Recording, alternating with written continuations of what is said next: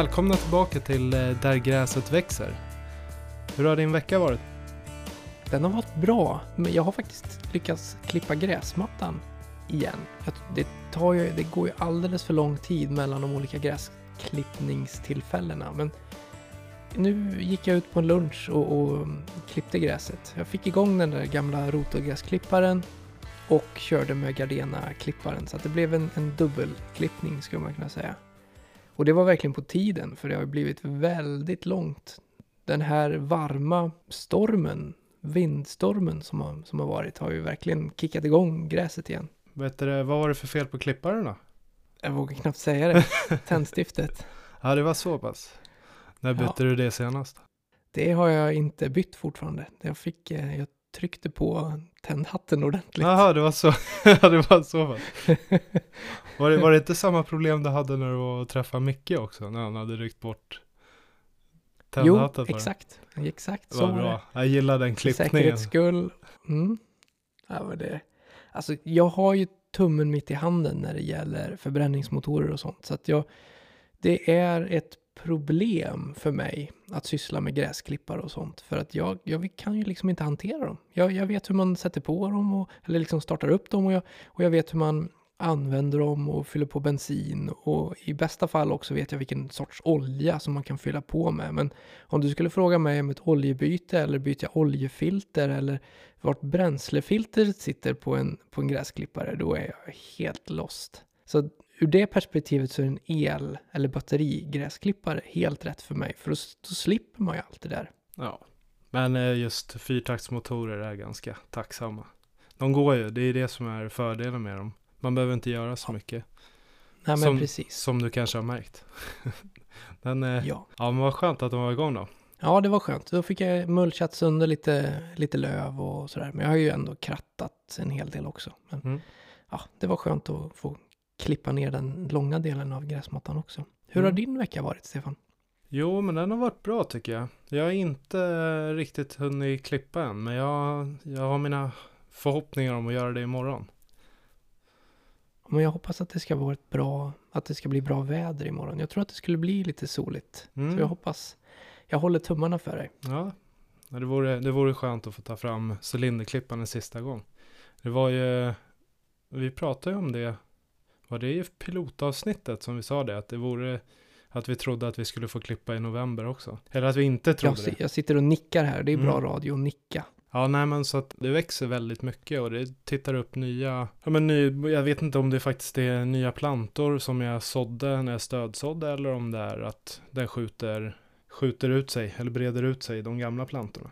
Ja, okej. Jag märkte att eh, min rödsvingelmatta växer bra mycket långsammare än den andra delen av gräsmattan. Mm. Vi får ju se, det kan ju vara så att den, eh, den är ju liksom känsligare och mindre kortare rötter och sådana saker. Men det, det är tydligt att jag inte behöver klippa där lika ofta som jag hade kunnat behövt klippa den andra delen. Hur eh, har den klarat sig från svamp och sådär? Det är vissa delar av min gräsmatta som har ganska mycket svamp just nu.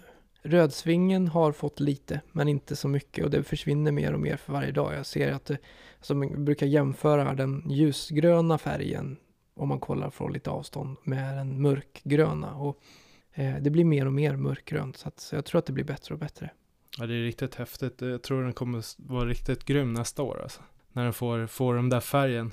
Jag hoppas ju det, men framförallt så är jag nyfiken på vad det är för skillnad på de två modellerna eller blandningarna som jag testar. Eh, Skånes, Skå, Skånes Gästa och eh, Weibulls fritidshus var det som jag testar. Mm. Det vore ju en, en, det är ett misslyckande om jag inte ser någon skillnad. Ja, var det fritidshus, var det också en rödsvinge bara? Ja, Ja. båda två, ingen utav dem är 100% rödsvingel. Nej.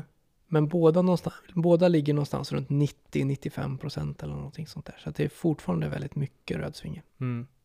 Du, jag tänkte på en sak och jag håller på med den här serien om, om gödsel nu. Och det senaste avsnittet som jag håller på att spela in så har jag läst på mer om hur mycket kväve som faktiskt finns i organisk materia och hur mycket som kan bli tillgängligt under ett år. Det är ganska intressant när man väl grottar ner sig i det där och det är ju det jag gillar att göra liksom. Så att Visste du att för varje procentenhet organisk materia så kan, så kan du få ut 22 kilo, eller så finns det 22 kilo kväve i jorden per 100 kvadratmeter. Ja, det är häftigt att det finns. Men är det, är det då direkt tillgängligt? Nej, det är det inte. Nej. Eh, om man har i den bästa av världar, alltså rent teoretiskt, så kan du få, så kan mikrolivet, alla organismer och allting sånt där, göra ungefär 220 gram per 100 kvadratmeter eh, tillgängligt. Så att det är bra mycket mindre som kan göras tillgängligt under ett år än vad som faktiskt finns där. Men det betyder ju också att du har ett ganska stort lager av kväve uppbundet i organisk materia. Och om man då har som jag då, en gräsmatta med 7-8 procentenheter organisk materia eller mull så, så finns det ganska mycket kväve som kommer att göras tillgängligt om jag nu har ett, ett välmående mikroliv. Mm. Det går ju att ha en, en, en död jord också eh, så att det inte blir tillgängligt och det går ju också som man, om man kollar på golfbanor och griner till exempel har en ganska låg mängd organisk materia, en låg procentenhet liksom. Då, blir det inte, då finns det inte lika mycket tillgängligt. Nej, det är därför det blir så viktigt, eh, ja, men viktigt för deras del och eh, gödsla också. Det blir lättare för dem i och med att de kan styra det, ja, men, styra det själva egentligen, tillväxt själva med hjälp Exakt. av gödslet där. Hur mycket organisk materia har du i din? Har du, tog du någon jordprov? Ja, jag ska göra det nu faktiskt till, eh, till våren. Det blev inte så att jag gjorde, gjorde det förra året. Jag vet ju att det var väldigt olika i på olika delar av tomten när jag fräste upp den. Så, att, eh, så det ska bli intressant att se nu vad, vad det säger. Mm, det, det håller jag med om. Jag är nyfiken och se vad som, hur det ser ut. Eh, jag tycker ju sånt där är kul, så att det, det är intressant. Däremot så ska man inte, man ska inte överskatta behovet av ett jordprov.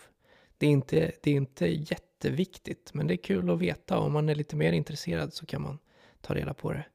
Innan vi smiter iväg i tankarna så vill jag bara säga att källan på det här som jag har pratat om med hur mycket kväve som finns tillgängligt och så vidare. Det är University of Minnesota som, som har en sån här förlängning där de pratar om, om ja, planskötsel och trädgårdsskötsel och sådana saker. Och de gör ju massa forskning också på på hur, hur saker och ting ligger till mm, i det jordiska. Jag har sett, sett att de gör mycket, mycket studier och sådär på, ja, men på olika, rätt mycket saker va? Just när ja. det kommer till plan, planskötsel och eh, gräs. Jag tror att det är de flesta, eller det är en hel del olika eh, staters eh, universitet liksom och städer gör, har sådana här avdelningar just för att om man kollar på amerikansk fotboll och eh, vad finns det, baseball och allting sånt där. Så det krävs en hel del professionell kunskap.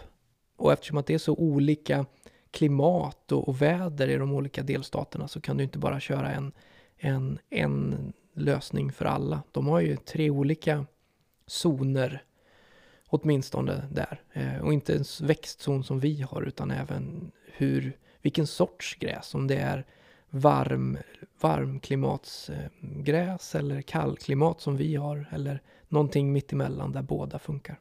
Mm.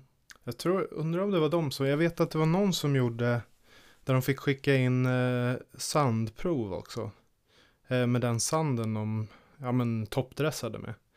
Och just visade mm. hur, hur olika ja, men, mineralerna var beroende på vilka delar av landet det kom ifrån. Eh, så i vissa där var det ju liksom, sanden var så eh, tät på mineraler, ja men rätt mineral för gräsmattan. Så att där var det ju liksom, mm. där såg de att det fanns ju redan tillgängligt. Så, så, en sak man kan kolla på det är ju färgen på jorden. Om det finns en kille som, eh, som heter, eh, på, på YouTube så heter han, men det, jag tror att den heter GCI Turf. Eh, ja, och det. han han håller till i Carolina, North Carolina.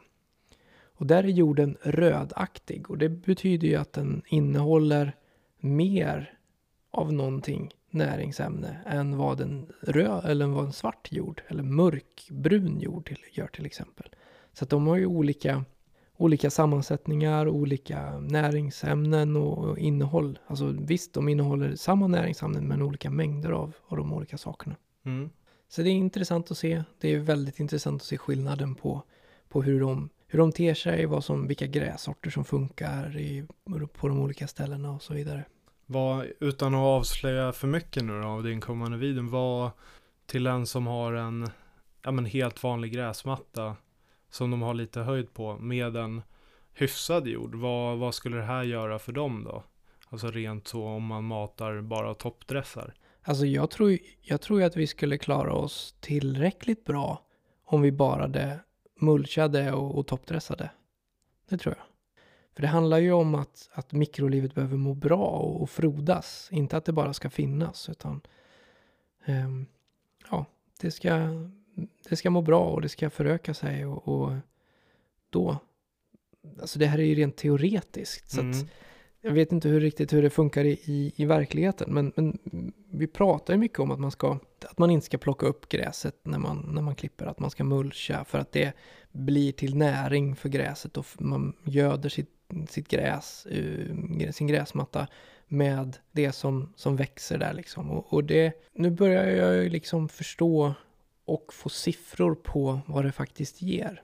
Det är inte så mycket kväve i själva gräset som, som material. Men det är först, först när allting förmultnar och, och sådär som det, som det faktiskt gör någon nytta. Mm. Och jag har ju en del som jag eh, faktiskt slutar att plocka upp klipper på. Den som är lite högre. Bara för att bara se, se både för mig är det ju det visuella också, liksom hur, hur det faktiskt ser ut. Jag, alltså jag skulle nog faktiskt inte behöva göra det på det kortklippta heller, i och med att jag klipper så pass ofta så att det inte är så mycket gräs jag klipper av. Men annars är det ju det, jag vill inte ha massa som ligger ovanpå egentligen. Och det är, det är inte bra i, i vilket fall ändå, liksom, om det hamnar där. När man klipper fairway på en golfbana så samlar man ju inte upp gräsklippet. Men ändå så finns det så himla många fairways som ser så fina ut. Mm. Så ja, det är inte helt självklart att man får en finare gräsmatta bara för att man klipper upp det. Men det är som du säger, liksom, att det kan ju vara det estetiska. Mm. Eller att man har hundar och katter och barn som drar med sig det där gräsklippet in och sen så ligger det överallt och i, i sängen och på kudden och liksom i skor och överallt så. så jag, kan, jag kan absolut förstå det.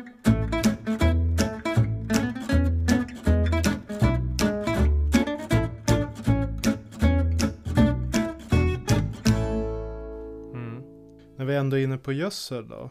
Eh, hur går dina tankar kring, kring järn och järn på hösten? Det brukar ju vara en sån här återkommande grej. Järnsulfat. Är det, är det något du sysslar med? Det är ingenting som jag sysslar med. Mm. Det är det inte. Däremot så funderar jag en hel del på det. Um, jag har ju någon tanke om att göra syssla med, alltså gödsla och tillföra så mycket organiskt gödsel som, som möjligt. Och, och där hamnar ju järn lite i ett mellanläge. Det är inte så att det är liksom organiskt, men det är heller inte det är heller inte kemiskt. Um, alltså det är svårt det där tycker jag. jag. Jag kan inte riktigt se vad jag skulle få för fördelar med att använda järn just nu. Det är väl det. Visst, det blir bättre för, man säger att det blir bättre för vintern och, och mm, att det håller bort eller gör livet surare för, för vissa ogräs och klöver och sånt. Åtminstone för en kort stund. Men jag har ju liksom inte de tankarna eller de målen med min gräsmatteskötsel. Så att, ja visst, jag har tänkt på det, men jag har inte gjort så mycket åt det. Hur, hur tänker du? Jag började, jag skulle säga, det här var ju det bland det första som jag läste att man skulle göra när det kommer till mossa. Eh, så att där någonstans började det väl för mig med just järnsulfat. Eh, sen så, så här, idag så gör jag det inte alls lika mycket och i, helt, jag skulle säga helt andra mängder. Det är väl, nu kan det snarare vara för att eh, liksom gröna på gräset lite. Nu har inte jag heller, det man har sett också är ju att det ska bli lite tåligare mot svampangrepp. Eh, och det är väl därför man tänker att det är bra på hösten inför vintern. Järnet stärker ju grässtråets eh, cellstruktur. Så att ett, ett, ett grässtrå som får järn på sig till exempel blir robustare och, och liksom starkare. Så det kan mycket väl vara så att det blir, det är ju ett, ett beprövat sätt att få en bättre, att klara vintern bättre helt enkelt. Mm. Nej men så att det, det, jag gör, det jag har gjort i år så har jag väl sprayat. Jag kör ju flytande gödsel. Och eh, där brukar jag också blanda i lite flytande järn. Det jag ser främst där är att, eh, att, det, att det är precis som du beskriver, att det reser sig upp och ställer sig upp eh, dagen efter. Sen hur mycket det är gödslet i sig som gör det eller järnet, eh, det vet jag faktiskt inte.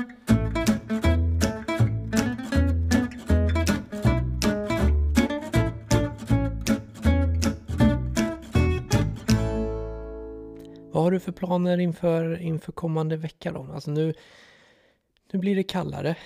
Jag tror att vi siktar på någonstans runt 10 grader som mest här i, våran, i Svealand. Eh, än så länge ingen frost. Vi har haft några frostnätter för några veckor sedan, men, men ingenting nu. Min gräsmatta är ganska blöt. Det är inte direkt så att jag drar fram cylinderklipparen, utan det är mest för att den är så pass blöt och det är lerigt. Ma maskhögarna är snarare lerhögar än, en eh, lite så här spröd, sprödigt eller spröt. Jag har glömt av vad det heter också. Ja, du, ni förstår vad jag menar. Det, att den går sönder när man pillar på den. Mm. Eh, nej, men jag, för, för min del så är det nog, nej men det så får jag ju göra en klippning. Sen så är det Annars så har vi förberett eh, vårt eh, mm, odlingsrum har vi gjort. Städat ur, sett till att allt fungerar som det, som det ska. Eh, så det, det känns skönt. Det, det fungerar lite som ett ljusterapirum också under, under den här perioden. Man kan gå ner och bara sätta sig på golvet och Många lumen blir det. Ja, jag, jag räknade på det där och jag tror att ja, det är över 40 000 tror jag. Det är ganska mycket ljus. Ja, är... Vad har ni för temperatur i det där rummet på, på eh, vintern? När det står på som mest då, då blir det varmt i det rummet. Eh, jag tror att det brukar ligga på någonstans mellan, ja, säg 22 då. Mm. Det är väl det som är, som är nackdelen och det som är fördelen med LED nu för tiden. Att mm. man i, i de här odlingsrummen som, som folk, eh, ja som du har, mm. så om man inte kör med lysrör utan LED så, så blir det inte så mycket värme av belysningen, vilket gör att man kan hålla temperaturen nere. För det, var det, det har jag ju förstått att när det inte finns tillräckligt mycket ljus för en planta så sträcker den sig mot ljuset och blir den lång och ranglig istället för, mm. för eh, kort och, och robust. Ja men så är det ju. Och nu tycker jag inte det har varit något jättestort problem, så an, antagligen så har vi tillräckligt bra ljus eh, för de plantorna. Vi kan ju också, vi kan också sänka våra lysrör rätt mycket. Och så har de skärmar så att det, det riktar ljuset neråt. Så att det, det brukar funka rätt bra, även fast det är lite, lite, lite för varmt mot vad det ska vara kanske. Mm. Ja men det är väl så.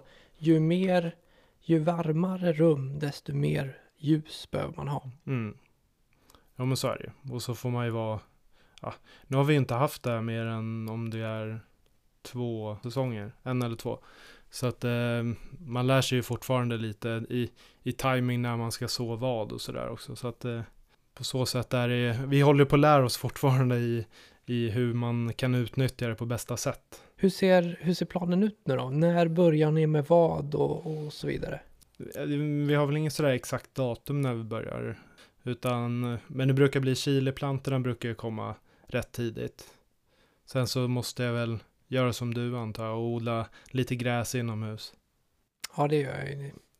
Jag har ju de två plantorna. De Ja. börjar bli gula. De verkar sant? inte gilla att det inte finns, att det inte finns tillräckligt med ljus här. Nej. Mina små, ehm, vad har jag? Jag har en vitgrö och en rödsvingelplanta. Mm. Nej men så det, det brukar vara roligt att ha någon liten kruka i alla fall. Du har ju massa olika ängsgrö-varianter du kan odla ja. inomhus. Jag har väldigt många, många, vad har jag, 10 kilo av någon sort. Jag var lite aggressiv när jag beställde hem mina testsäckar. Så att, eh, ja nej men annars så faktiskt, det, det är det som har varit eh, planen. Nu är det så här, nu, jag tror faktiskt att det blir en cylinderklippning för mig. Jag kan nog inte hålla mig. Även fast jag har tvättat av den och smörjt in den och sådär. Vad är det du smörjer in då när du, när du gör ordning din cylinderklippare? Nu försöker jag ju lära mig eftersom att jag har tummen mitt i handen här. Så att, Nej men det är alla, alla smörjpunkter egentligen på, på klipparen och det är ja, men där alla hjullager, hjullager sitter och kullager och det är bara för att det, ja men dels eh, så förhindrar man ju att vatten tränger in men också att det, det inte nöts sönder. Ja men både när cylindern snurrar men också alla andra rörliga delar. Så allt som är rörligt egentligen är det som man fe- fettar in. är det där nipplarna, olja, alltså smörjnipplar och sånt sitter? Ja, eller men Är precis. det på andra ställen också? Nej, eh, det är främst där. Eh, jag tror inte att jag har något, jag börjar tänka efter nu, det är ju väldigt många punkter på den klipparen jag har. Så att, eh, men jag tror inte att jag har något annat som jag smörjer. Okej. Jag har två stycken smörjnipplar på min Atco Mm. som jag vet om. De har jag sett några gånger men jag har inte riktigt gjort någonting åt det. Det är väl dags kanske att skaffa en, en, en sån här spruta och, och, och eh, smörja in. Men som sagt, alltså jag borde ju ha någonting. Jag borde ju ha någon, någon annan sorts gräsklippare helt klart. Den, den överlever nog, men det, är- det, det är synd om du får tränga in vatten i den. Det går ju rätt fort då. Så det, det är värt de där 120 kronorna på Biltema eller vad det nu kostar för en fettspruta. Jag, jag tycker att min låter en hel del. Alltså den väsnas utan, som, in, det, som inte är motorn. Så det är mycket möjligt att det kan vara så att, det, att jag behöver smörja lite delar och, och sen har jag ju drivkedjor som kan vara lite, alltså som gammal cyklist så, så inser jag att en torr kedja både låter och är dålig och inte effektiv. Så att där går jag in och, och, och smörjer ibland. Men du har ingen eh, smörjnippel för kedjorna här? På sidan där? För vi sitter alla dina på samma sida? Ja, det gör de. Ja, Så tar jag bort hela kåpan och sen så ser man alla tre, ja okej. tre kedjorna där. Jag fick faktiskt byta en kedja på gräsklipparen. Det var inte helt enk- enkelt. Eller det var inte kedjan utan det var ett kedjelås som gick sönder. De brukar vara rätt tajta. Kedjorna på de ja. där. Men framförallt så var det svårt att hitta, hitta ett kedjelås som passade. Det är inte Aha. helt lätt. Det fanns ju liksom inte, det var inte cykel, det var inte moped, det var inte motorcykel, det var absolut inte någon sorts bil. Så jag fick, eh, jag, jag hittade, jag kontaktade Atco som, som eh, skickade rätt dimensioner och sen så sökte jag på det och då hittade jag en, en sån här eh, jordbruksbutik online Mhm. i Sverige som, som jag kunde beställa av. Och då, det funkade såklart. Men det var inte helt lätt att hitta i en vanlig butik. Och järnhandlarna, de såg ju bara ut som frågetecken när jag kom in med den där jättetjocka kedjan. Och den ser ju ut som en fyrhjulings, alltså som en mini-fyrhjulingsdrivkedja liksom. Mm. Ja men det är, det är väl det som är lite nackdelen fortfarande med de där gräsklipparna. Att det, det är inte jättemånga som säljer dem och det är ännu mindre som håller reservdelar på dem. Så att det, är, det är inte helt lätt att bara åka till en vanlig butik och sen förvänta sig att de ska ha de grejerna.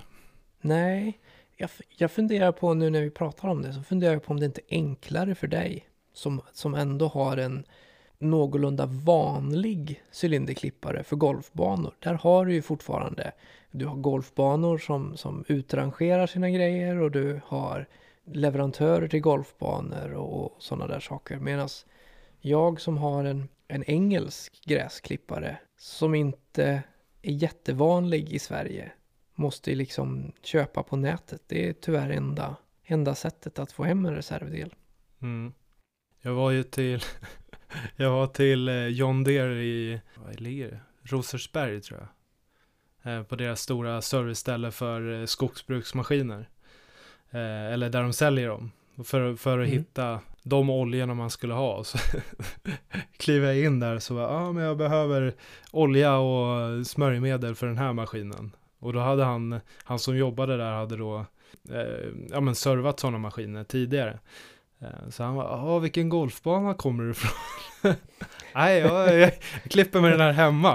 Eh, Det var, det var en eh, intressant blick ändå. han bara stirrade på mig, han bara, jaha. Ja, din är ju lite bredare än vad, vad min kanske är. Det är inte... Jag testade ju din lite grann när, vi, när jag var hemma hos dig, men Mm. det var ju... Det är ju svårt att, att dra runt den där. Den där skulle ju vara alldeles för stor för, en, för min lilla tomt. Mm. Ja, och sen så tar det ju några gånger innan man blir, bli, blir bekväm i hur man ska liksom utnyttja kraften i den också. För det, det känns ju som den drar när man svänger, så att det gäller att vara med första gångerna. Mm. Men kul. Jag har kört ner i rabatten med den där också, så att Ja, det är väl det. Det är väl sånt man får räkna med, tänker jag. ja. Det är inte, det är inte så noga, så länge man inte förstör allt för mycket och att det inte går att åter, återställa. De är ju de är ju byggda som pansarvagnar, det är det som är det är det som är fördelen med dem också. På alla singelklippare eh, och greenklippare, det är det man ser i USA också. Alltså det är ju folk som klipper med, med väldigt gamla maskiner där. Det är, så, så länge man liksom tar hand om dem och ändå ja, men vårdar dem under vintertid och då kanske inte låter dem stå ute så, så tror jag att de där, det är nog svårt att se till att de inte fungerar. Det tror jag också. Det är, det är bra, eh, hög kvalitet, robusta grejer. Mm. Det är, det är det jag gillar med, med gamla grinklippare och, och, och alltså de grönytemaskiner snarare än trädgårdsmaskiner. För det, man märker en ganska stor skillnad på till exempel vertikalskärare. Om du jämför en, om du jämför en vertikalskärare för hemmabruk och en vertikalskärare för, som, som är byggd för uthyrning eller för professionellt bruk så är det en helt annan nivå på tjocklek av, av material och val av material och val av liksom delar. Liksom. Vad var det för vertikalskärare du hade? Jag har en sån här Stiga E någonting 213 tror jag den heter. Något sånt där. En smal liten grej som jag mest använder för att, att kratta, elkratta gräsmattan. Jag tycker att den är för lätt för att vertikalskära om man nu skulle vilja vertikalskära. Den hoppar liksom ovanpå. Ja, de gör väl det de där. Jag vet inte vad de kan väga, men de kan ju inte väga många kilo. Nej, det, det är inte många kilo. Det är, Ja om ens 10 kilo. Det, det tror jag inte. Det är nog mindre än så. Men den funkar väldigt bra. Eftersom jag, jag använder den bara som att kratta liksom. Men, men eh, den funkar bra. Ja, det är en sladddriven. Så att jag måste springa omkring och hålla koll på sladden hela tiden. Eh, har bara kört över sladden en gång. Så att, ja, det gick bra alltså det, det, det var ju inte, det hände inga, ingenting. Det var inte, jag körde inte rakt över sladden utan jag trasslade med mig, trassla, trassla in mig i sladden. Och, och Mhm. det var jag snabb nog att att uppfatta. Så att det var, det var ingen fara. Du körde cirklar. Nej. Nej. Sladden blev kortare och kortare. Ja.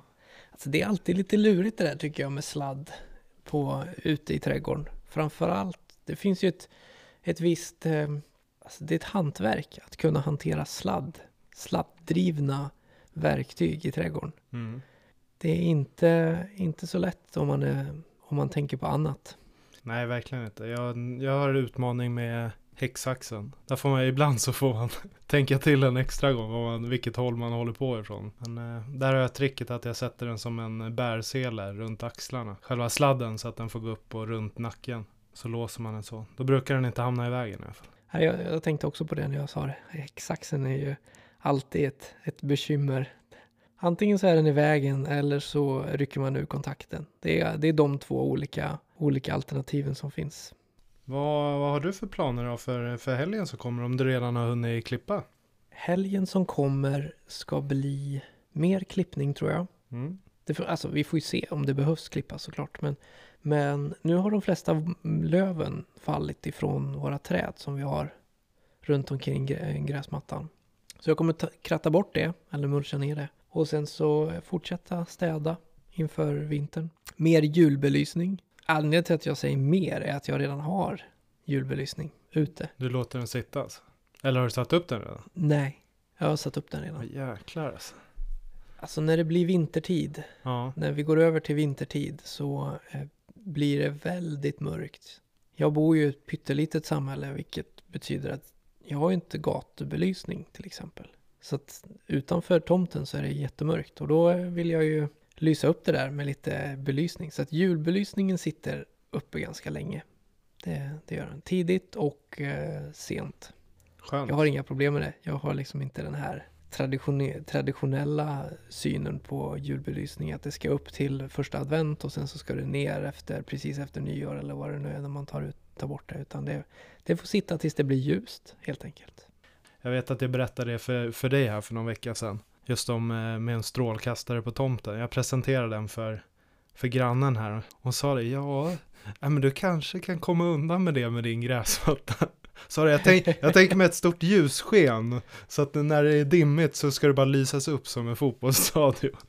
Ja, men det är lite, alltså det, det blir ju perfekt. Du kanske ska ta dit, eh, nu är det lite speciellt i vinter här, men du kanske, kanske skulle ha någon sorts eh, knatteträning på, på Ja, din det är det. Kan du ha en, en, stor, en stor strålkastare i vardera hörn Mm. på, på baksidan? Ja, det hade varit något. Jag läste det var någonstans, jag kommer inte riktigt ihåg, det var, det var någon art- artikel där, där eh, det var en intresserad, en gräsmatteintresserad kille som, som klippte en allmän yta till, till barnen så att de fick spela fotboll. Men han klippte ju med cylinderklippare så att det var ju liksom top notch Mm. efter några år eh, som den där fotbollsplanen var. Men det var ju en sån här allmän, allmänningsfotbollsplan eh, som kommunen har. Så att han, han liksom tog de här kontakterna som behövdes för att säga att men jag sköter den här gräspolaren, ni behöver inte klippa, jag vet inte riktigt hur det funkar. Men, men det såg, såg roligt ut och det var ju fina ränder på, på den där planen som man- kidsen sprang runt och spelade på. Det är häftigt bara av att någon tar hand och klipper den också. Liksom. Så- Ja, det är någonting som jag, som jag eh, tänker på ibland. Att jag skulle ju vilja, skulle vilja ge tillbaka. För det, jag kommer ihåg när, när jag var liten hur mycket, hur mycket det betydde att faktiskt kunna ha en, en fotbollsplan där eh, näten var hela och, och målen var hela och att det var någorlunda klippt så att man inte behövde springa med, med, med gräset upp till, till knäskålarna när man var liksom en liten kille. Eh, Det betydde väldigt mycket. Det är mycket av min uppväxt som har skett på, på golf, golfbanor och fotbollsplaner runt om i, i samhället.